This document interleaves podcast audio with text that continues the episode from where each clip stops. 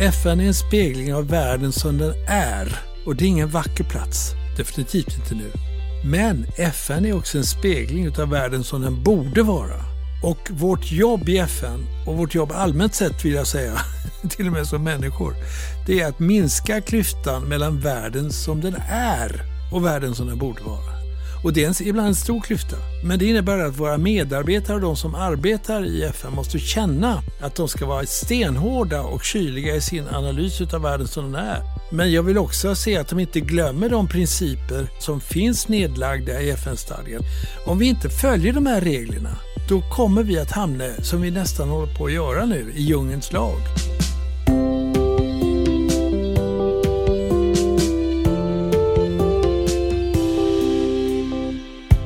Efter första världskriget fick USAs president Woodrow Wilson fredspriset. Under fredsförhandlingarna i Versailles hade han drivit igenom en gammal dröm för den internationella fredsrörelsen. Ett nationernas förbund där länderna skulle kunna träffas och förhandla och på så sätt förhindra framtida krig. Men Nationernas förbund lyckades inte med det och 1939 blev det krig igen. Ett andra världskrig som blev ännu värre än det första. Trots det övergavs inte tanken på ett förbund och efter andra världskrigets slut grundades FN, Förenta Nationerna. Den här gången skulle man undvika misstagen från Nationernas förbund och skapa en organisation som kunde skydda människors rättigheter och bevara freden. Vilka idéer låg bakom FN och hur har de idéerna klarat mötet med verkligheten? Du lyssnar på Idéer som förändrar världen, en podd från Nobelprismuseet. Jag heter Gustav Källstrand. Och med mig för att berätta mer om FN så har jag Jan Eliasson. Välkommen! Tack så mycket! Ja, du har ju sett FN inifrån och, och vet verkligen vad de här FNs stadgarna betyder i verkligheten. Vad tänker du om FNs uppdrag när det grundades? Vad var drömmen? Ja, vi ska komma ihåg att eh, hela perioden 1930-1945 var en mardröm. Det var stalinism och gulag och extrema former av eh, kommunism i, eh, Sovjetunionen. Det var fascism i Italien och Japan och Tyskland framför allt. Det blev krig som du sa 1939. Det kriget eh, ledde till 50 miljoner döda. Det var första kriget för övrigt i historien där fler civila än militärer dog i ett krig. Eh, och eh, denna mörkrens tid, den ville man lämna efter sig. Så att redan under kriget var det planer på att skapa någonting som sen blev FN. Och eh, meningen var ju då att bygga arbetet framöver på internationellt samarbete, ömsesidigt beroende naturligtvis då också, men också på demokrati och mänskliga rättigheter. Jan Eliasson är en av Sveriges genom tiderna mest meriterade diplomater. Han har varit såväl utrikesminister som ambassadör, men det är genom sina många uppdrag i FN-systemet som han har utmärkt sig mest. Han har varit bland annat internationell medlare, ordförande för generalförsamlingen och vice generalsekreterare. Han har just publicerat memoarboken Ord och handling som ger en personlig inblick bakom kulisserna i den internationella diplomatin. Så att vad som exploderade praktiskt taget efter andra världskriget var drömmen om en ny värld. Och det manifesterades då i San Francisco 1945, det som ledde fram till FN-stadgan, som jag tycker är ett mästerverk eh, som stadga. Därför att den eh, formulerar på ett lysande sätt eh, principer och värderingar med eh, praktisk vägledning för generalförsamling, säkerhetsrådet och eh, övriga FN-organ. Eh, de eh, bygger också upp en, ett batteri av åtgärder som kan användas för att åstadkomma fred. Artikel 33, en stor meny över vad som behöver göras, medling, förhandling, skiljedom och så vidare. Så att för mig har det varit en fröjd. Jag har den i fickan som jag haft sedan 1980. Burit med mig den hela tiden i FN. Eh, det enda skönhetsfelet som stadgan har enligt många det är ju att vetorätten är inlagd. Men det blev ju så därför att som du själv sa så misslyckades ju Nationernas förbund. Och ett skäl var att stormakterna inte kände att de hade möjligheter att påverka mycket aktivt om de så ville. Det fick de nu genom att få en, eh, en vetorätt till säkerhetsrådet.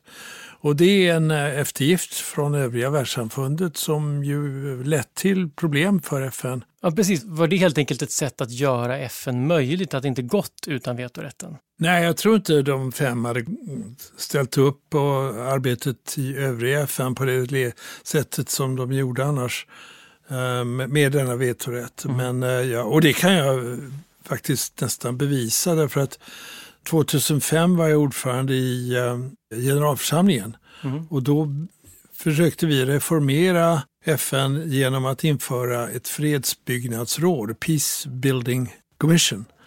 Eh, men säkerhetsrådsmedlemmar eh, var mycket negativa till detta därför att de trodde att övriga generalförsamlingens medlemmar skulle tränga sig in i säkerhetsrådets område och genom begreppet fredsbyggnad eh, ta över vissa funktioner i rådet. Mm.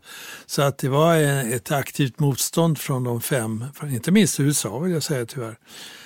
Sen så blev det ett fredsbyggnadsråd så småningom reformerat som nu fungerar ganska bra, intressant för framtiden. Vad betyder fredsbyggande? För det är, är ett annat sätt att se på freden, att fred bara är brist eller avsaknad av krig, utan fred ja. är någonting annat.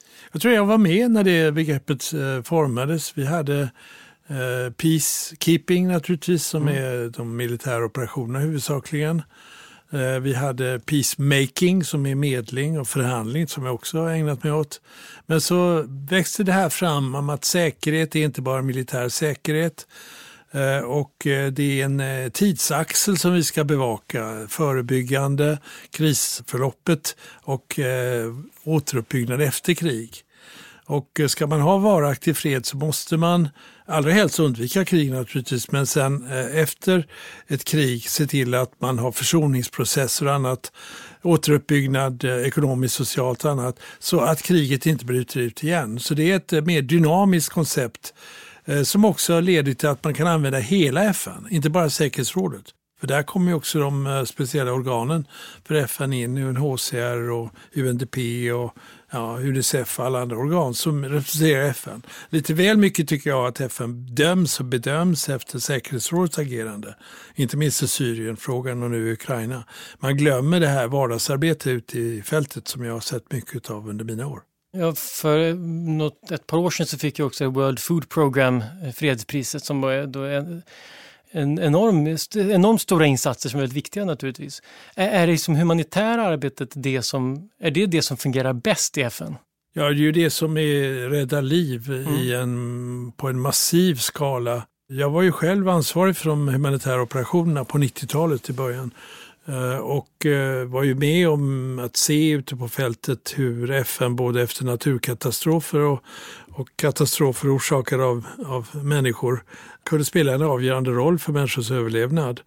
Och idag är de ju, FN är ju absolut avgörande i sådana platser som eh, Jemen och Afghanistan och Ukraina delvis också nu. Tigray, provinsen i Etiopien och så vidare. Så att det arbetet glöms ofta och det bedrivs under också svåra villkor och farliga villkor.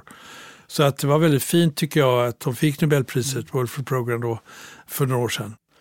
Där att det humanitära arbetet glöms bort, det är väl kanske lite också det, det förebyggande. Man, man tänker inte lika mycket på de katastrofer som antingen förhindras eller, man, eller på det humanitära när man hjälper folk. Krig får mer, mer mer uppmärksamhet ja, än alltså det, du, du trycker på en knapp här som du inte borde gjort för jag kan tala hur länge som helst om detta.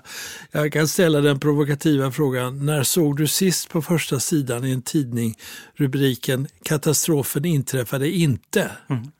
Alltså så många gånger som man borde belöna mer och arbeta mycket mer eh, engagerat för att hindra katastrofer och inte minst krig att bryta ut. För det är som anden som kommer ut ur flaskan. När den väl är ute så blir man eh, oerhört deprimerad och herregud, det kommer ta tid och det gör det nästan alltid att avsluta krig. Så att förebyggande arbetet det, det predikar vi om hela tiden men det görs inte på det sätt som det borde. Och har det att göra med att det då tycker då vissa länder att det skulle innebära att man kliver in på deras områden? Precis, det är, väldigt ofta hänvisning till inblandning i inre angelägenheter som inte får ske.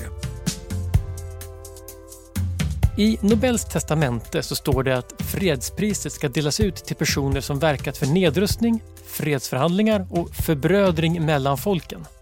De här idéerna kom från den internationella fredsrörelsen som fanns i Europa i slutet av 1800-talet och vars dröm det var att skapa strukturer som kunde lösa nationernas strider på ett mer civiliserat sätt än genom krig. Trots både fredspriset och inrättandet av internationella skiljedomstolar, humanitära organisationer och Genèvekonventionen utbröt det ju både ett och två världskrig. Men istället för att försvinna så fick de här idéerna ändå mer livskraft. Både Nationernas förbund och FN kom alltså från samma idémässiga bakgrund som Nobelpriset. Och Fredskommittén har uppmärksammat personer och organisationer inom FN-systemet flera gånger. Senast var det 2020 när FNs livsmedelsprogram World Food Program fick priset. Men tidigare har även de fredsbevarande styrkorna, atomenergiorganet IAEA, arbetsorganisationen ILO och flyktingkommissariatet UNHCR fått pris. Och UNHCR inte mindre än två gånger. Vid prisets 100-årsjubileum 2001 så fick själva FN priset. Det var ett sätt att visa på kopplingen mellan FN och fredspriset. Men även generalsekreteraren Kofi Annan fick priset. Och det var ett sätt att visa att även om organisationen är viktig så är den också beroende av engagerade individer. När muren föll då 1989 så såg vi ju hur eh, spänningarna minskade mellan eh, supermakterna, framförallt Ryssland och eh, USA. Sovjetunionen som det väl då hette fram till 91. Och eh, vad vi såg samtidigt var eh, en oroande tendens, nämligen att när väl USA och Ryssland lämnade sina länder där de utövade sin, sitt inflytande, ja då visade det sig att det fanns krafter som hade hållits tillbaka inne i dessa länder av etnisk karaktär eller religiös karaktär eller helt enkelt sociala och ekonomiska skäl. Så att plötsligt så blev det ett tryck som ledde till eh, inbördeskrig och inbördesliknande eh, situationer. Och det såg vi en grupp ambassadörer eh, kring 89-90 och vi såg att herregud, om det nu blir konflikter som sker inom stater så måste FN ha ett mandat att spela en roll inne i länder. Mm. Därför att annars kommer länderna att hänvisa till att man inte får blanda sig i inre, inre angelägenheter. Så då hade vi en förhandling 1991 som jag ledde i Genève och sen blev en resolution i generalförsamlingen som togs strax före jul 1991. Jag visste inte att jag själv gjorde min egen arbetsbeskrivning då, men så blev det.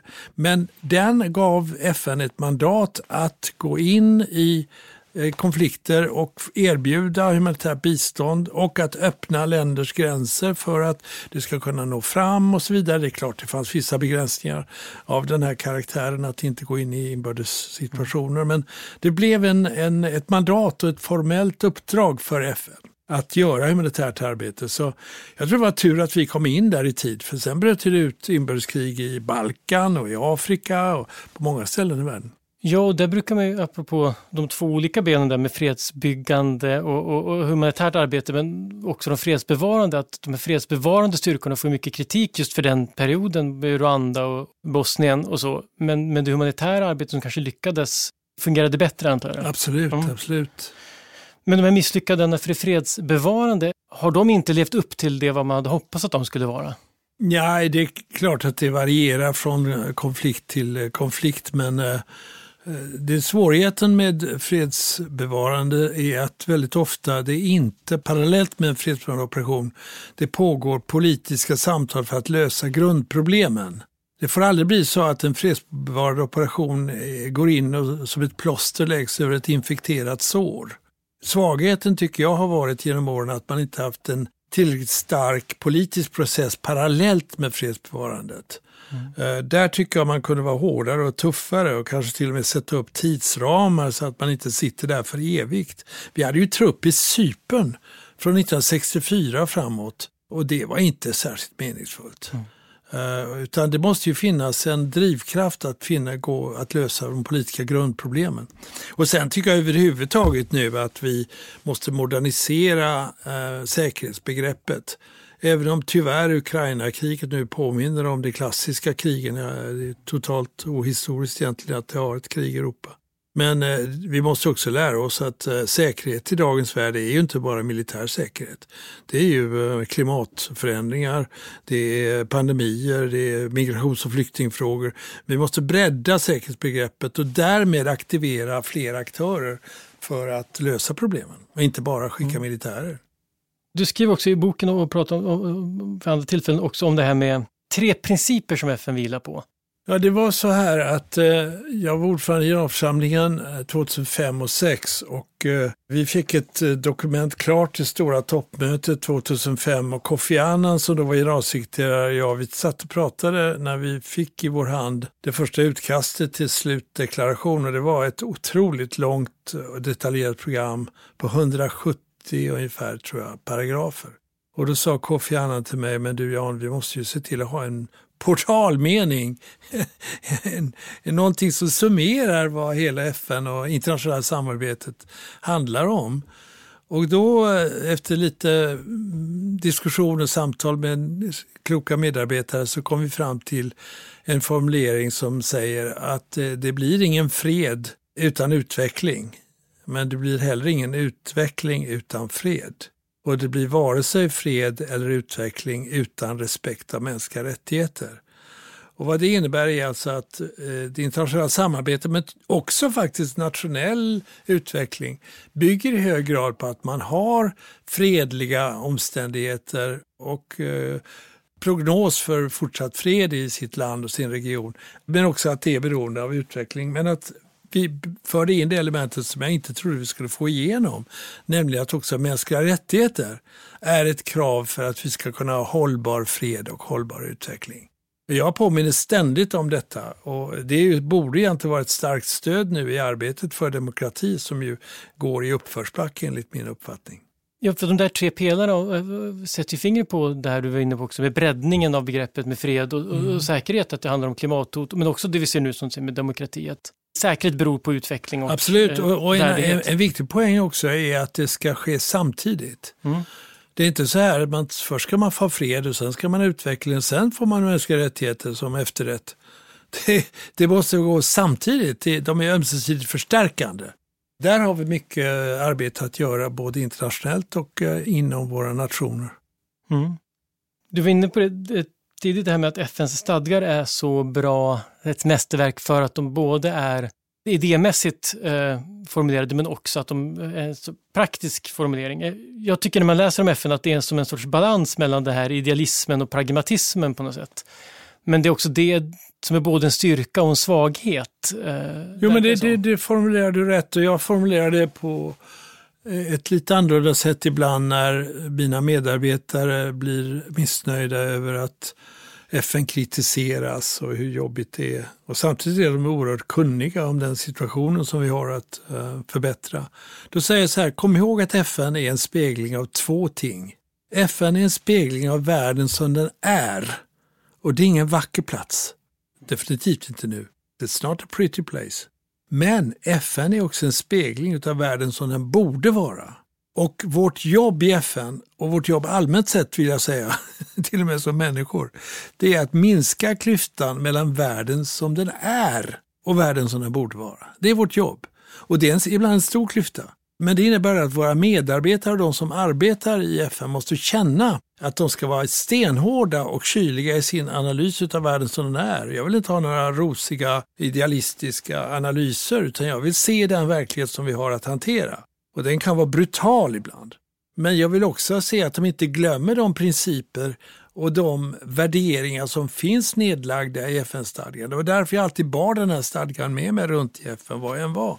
Och det gäller ju också för övrigt europeisk säkerhet. Där har du ju också Final Act i Helsingfors 75. De principerna är ju helt bortglömda i Ukraina-fallet. Och, och vi, har, vi ska alltså komma ihåg värdet utav eh, principer och värderingar. Och mina företrädare som diplomater och politiker har slitit igenom de här stora konferenserna och skapat FN-stadga, mänskliga rättighetsdeklaration 48, kol och stålunionen 51 och eh, Genèvekonventionerna, ja, allt detta, eh, flyktingkonventionen 51. Det är ett oerhört jobb som ligger bakom detta och där ligger principen nedlagda som måste översättas i praktisk politik. Om vi inte följer de här reglerna då kommer vi att hamna, som vi nästan håller på att göra nu, mm. i djungelns lag.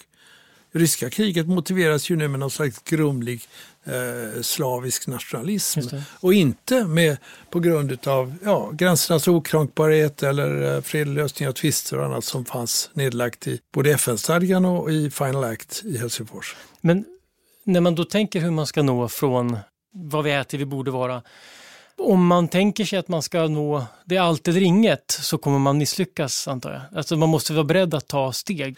Jo, alltså det, jag får ofta frågan, kan man avskaffa vetot? Och jag är brutalt uppriktig om det, att det är oerhört svårt. Mm. Därför att eh, ett sådant förslag kan veteras av de fem permanenta. Så att det är, jag ser framför mig en omöjlig förhandlingssituation. Men däremot så kan man eh, se till att vetot begränsas. Att till exempel inte får, man får inte lov att använda vetot i folkmordssituationer, i krigsförbrytelser, krigsbrott. Mm. Eh, man måste redovisa, som generalförsamlingen nu har krävt, eh, varje gång som vetot läggs så ska det redovisas skälen för inför hela generalförsamlingen som man nu för någon vecka sedan har eh, bestämt från generalförsamlingen, vilket är ett steg framåt. Och, och sen ska man utveckla någon slags etos och, och, och moral som går ut på att, att använda sig av vetot är ett misslyckande. Det, det, det ska vara någon slags skuldbeläggning när vetot läggs. Och man måste alltså förhandla. Man ska tvinga säkerhetsrådets medlemmar att förhandla. Jag tycker till exempel nu, jag kan ju tala öppet, det är så skönt, jag inte längre har några större eh, ansvarsfyllda uppdrag. Jag, jag, tycker till exempel att det är märkligt att man inte har avslutat detta eländiga, fruktansvärda Jemenkrig.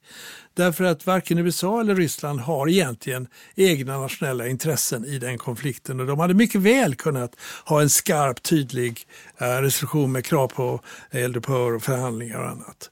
Det är svårare i sådana fall som Syrienkriget och Ukrainakriget inte minst. Men om man hela tiden tvingar säkerhetsrådets medlemmar, och det är egentligen ganska lustfyllt för diplomater, att förhandla då kan man åstadkomma det som jag skämtade med eh, säkerhetsrådsmedlemmar om när jag avgick som jag lämnade mitt uppdrag som ordförande i generalförsamlingen. Då sa jag att ni borde arbeta som kardinalerna i eh, katolska kyrkan.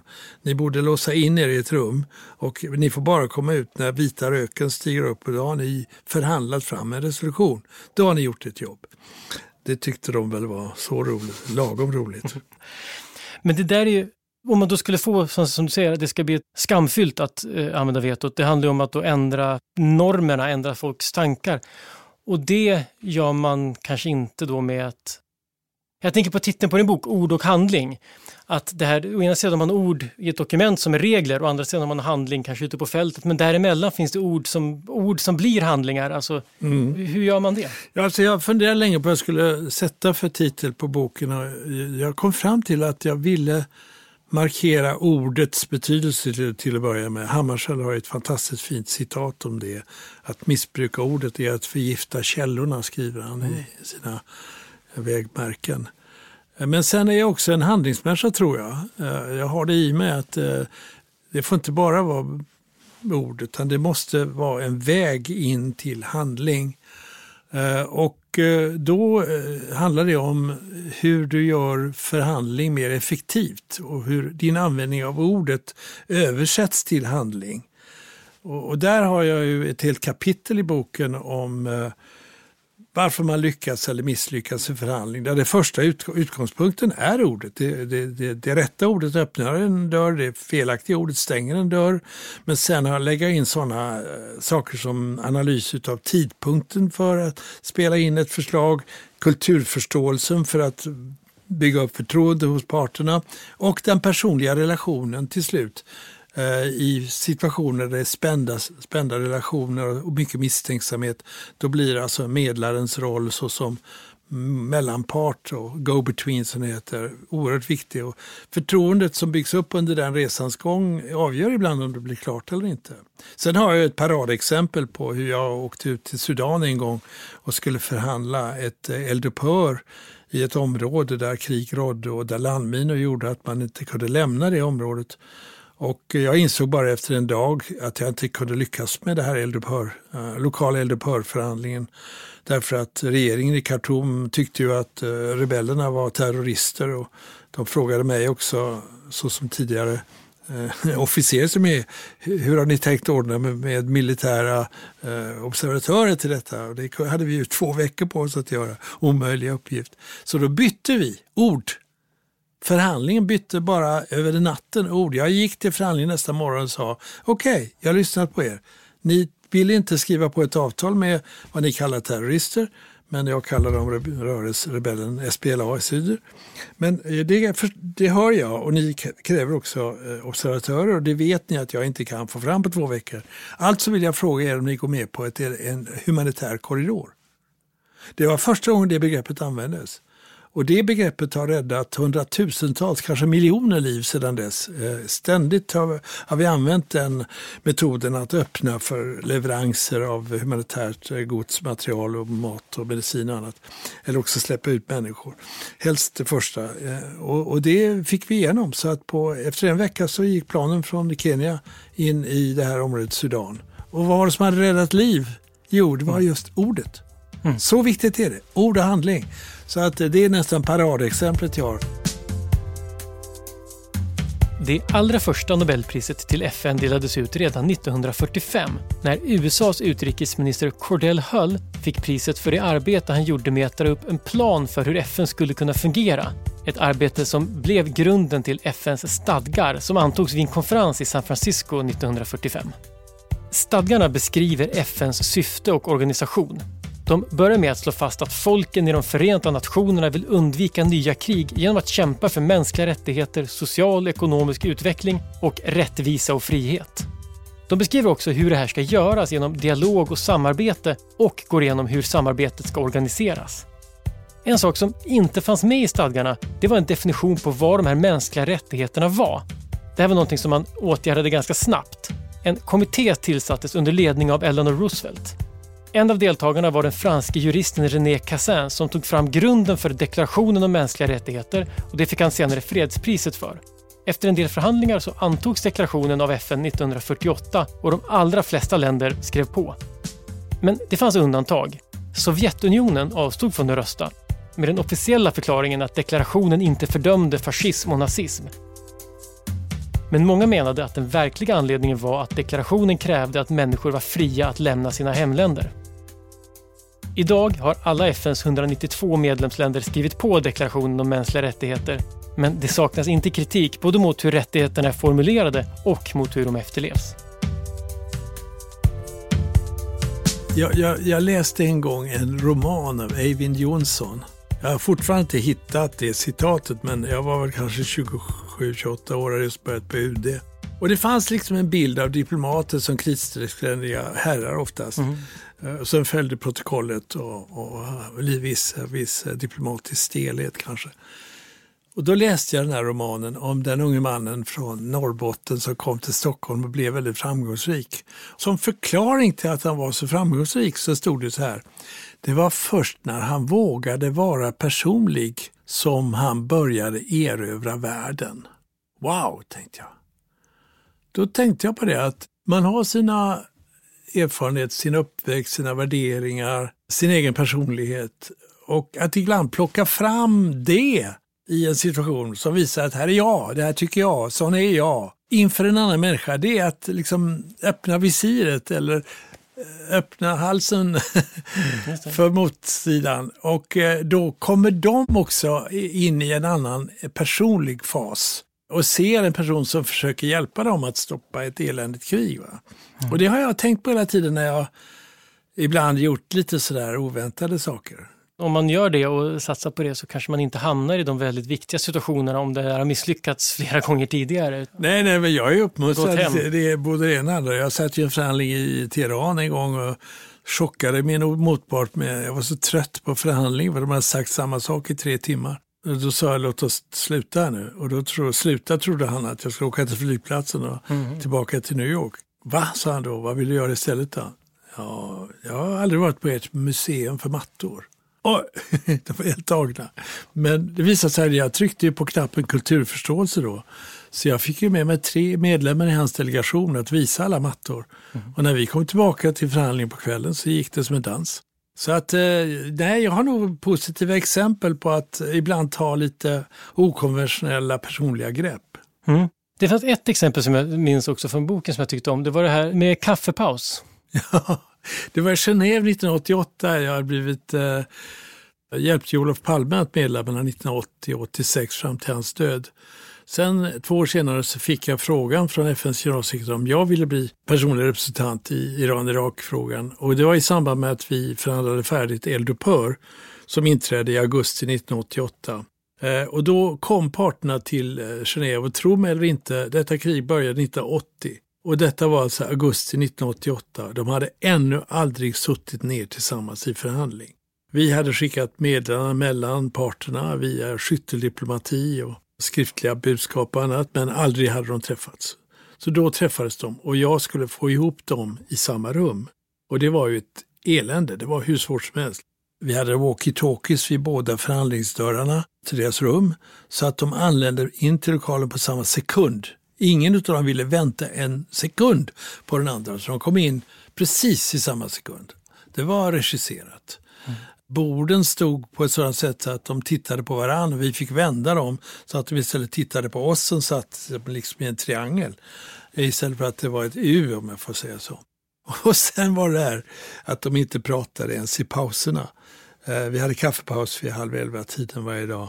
Då hade de kaffe inne i sina förhandlingsrum, men då får fan i mig. Så jag sa till de här schweizarna som hade catering där, nu sätter ni ett kaffebord vid toppen av bordet här, vid triangelns topp här. Där sätter ni ett stort kaffebord och så ger ni inget kaffe in i rummet. Och så fördröjer jag kaffepausen. Eh, vi håller på en kvart extra. Så de, och så gör jag gärna extra starkt kaffe så, som doftar hela rummet. Och så kom de in med kaffekannan och satte det där. Och jag drog över till kvart i tio och de, de satt och sniffade där och var så vana att ha det här kaffet. och så sa jag lite milt sådär, And today we offer you a coffee here in this room so that we can gather at the top of this triangular table. Och de tittade helt chockerade på mig.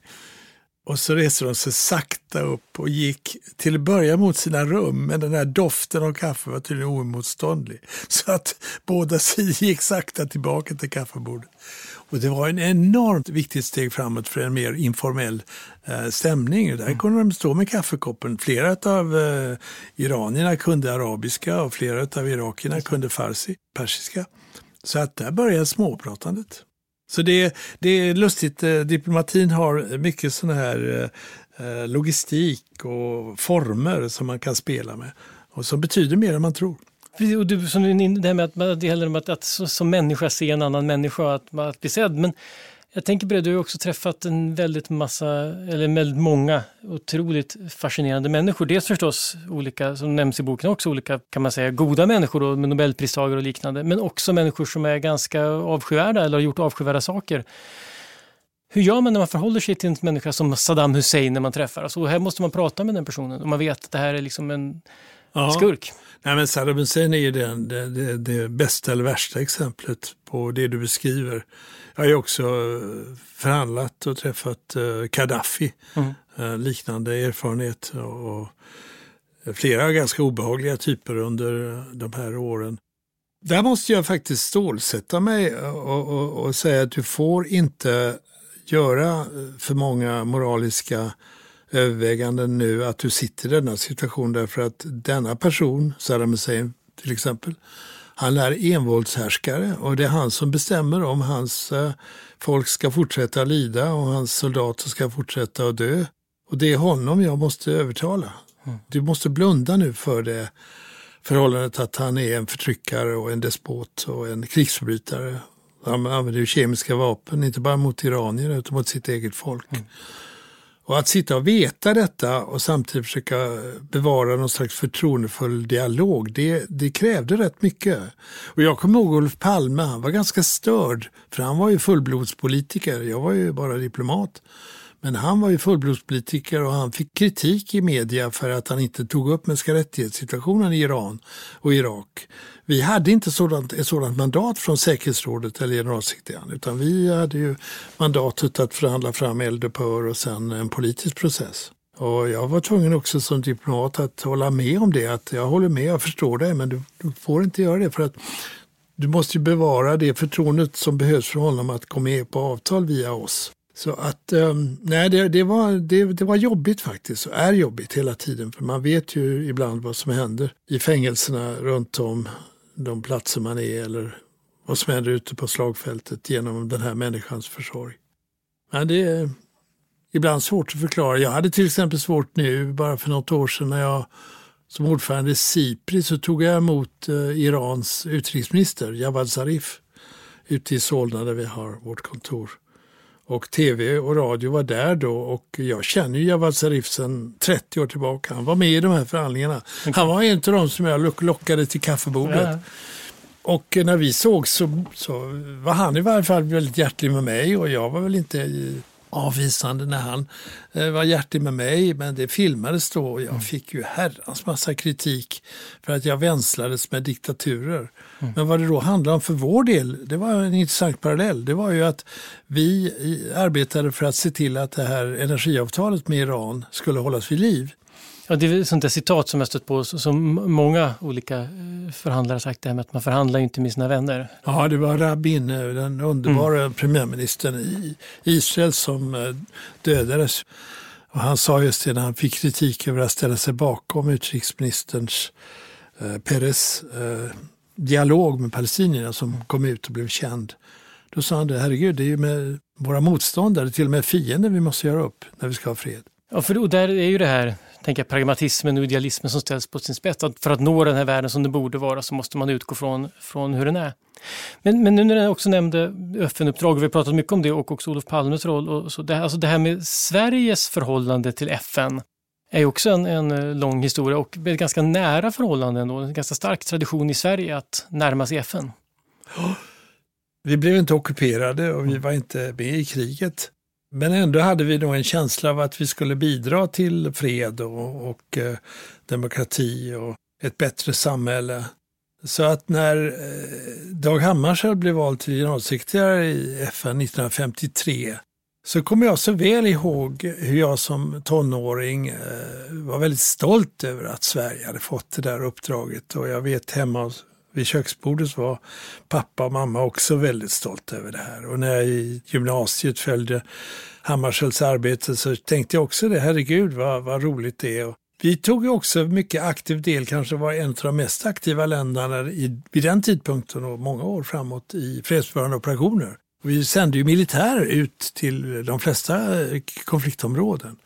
Och jag tror det är lite grann, eh, inte var en kompensation, men jag tror att det var ett sätt för oss att visa, ja vi var inte med i andra världskriget och det kan man ha olika uppfattningar om att kampen mot Hitler kunde bedrivas på ännu bredare front, men det kanske inte var realistiskt, det var inte realistiskt.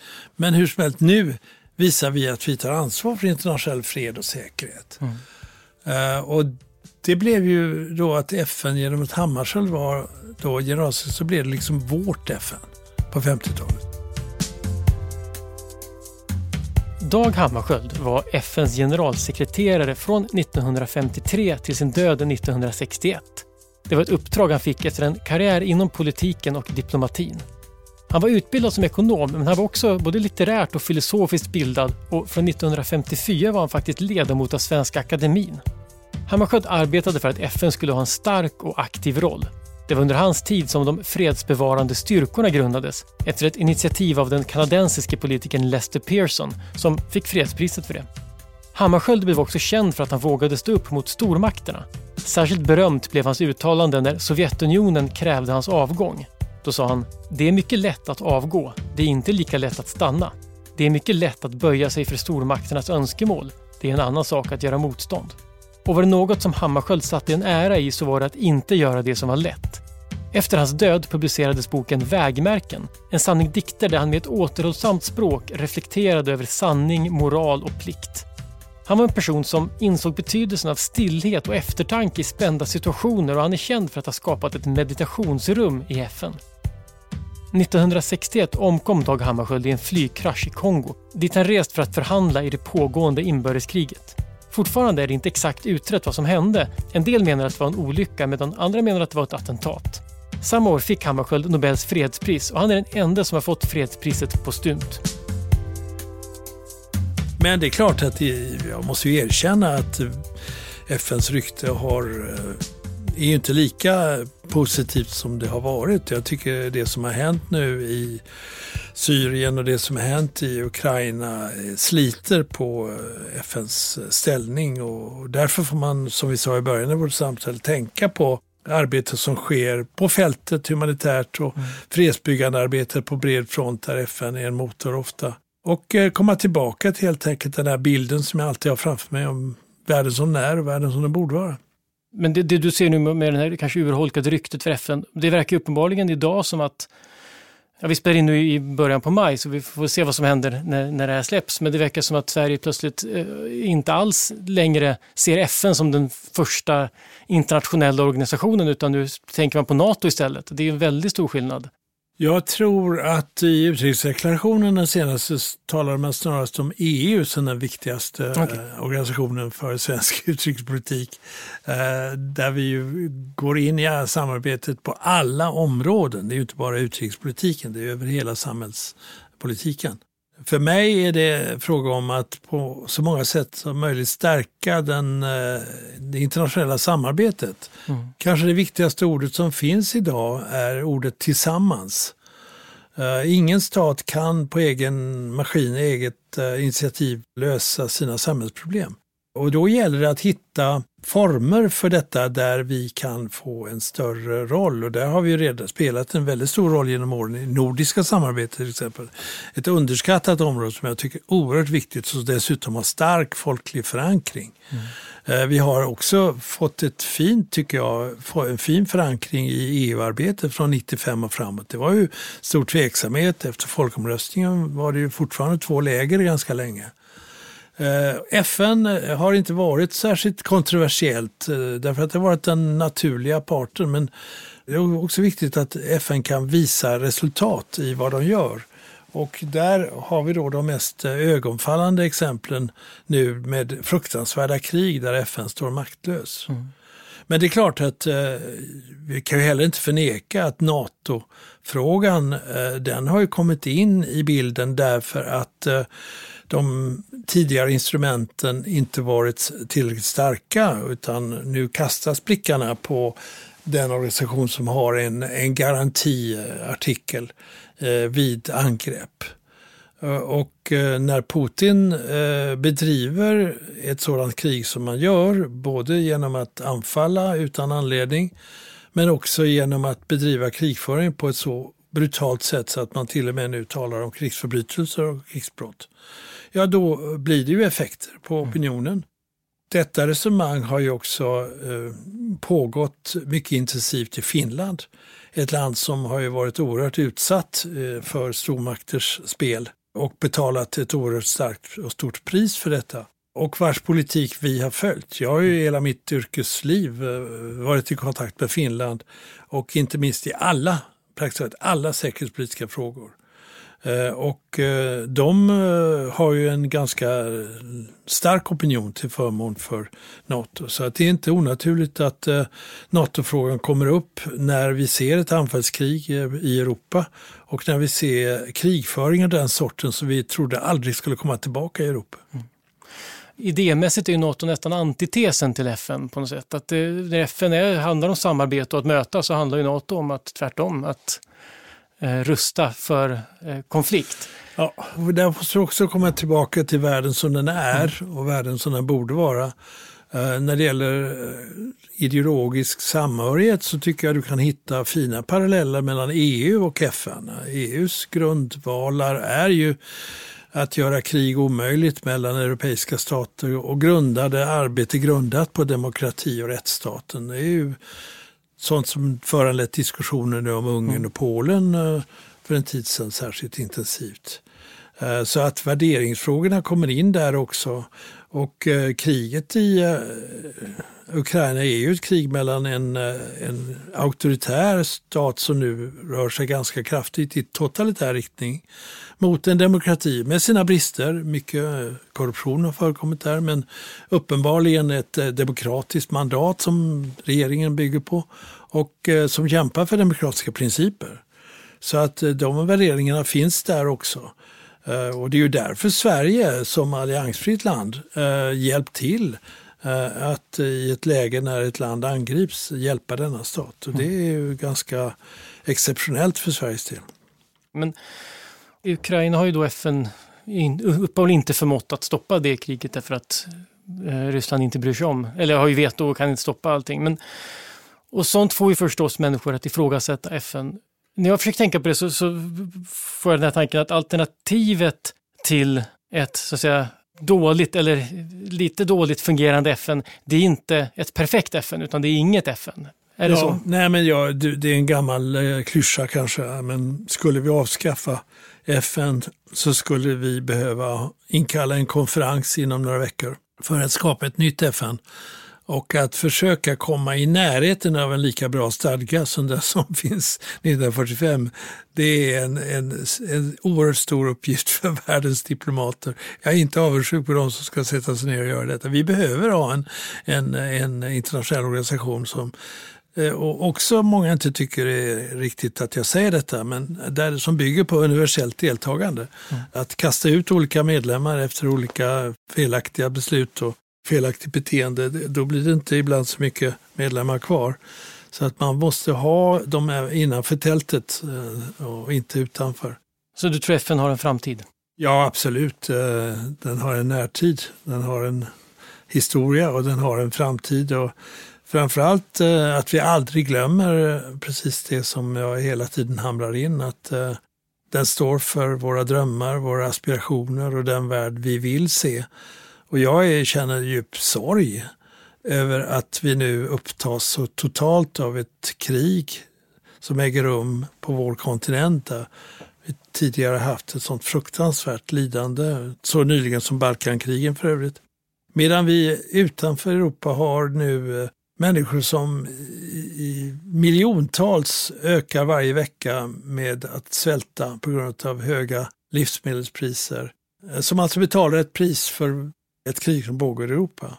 Och sen dessutom det som mina barn och barnbarn påminner mig om hela tiden, nämligen eh, klimatfrågan och andra stora internationella frågor, flyktingfrågor, migrationsfrågor som kommit nu i skuggan av eh, vår agenda medan det pågår en, en konflikt av den här arten.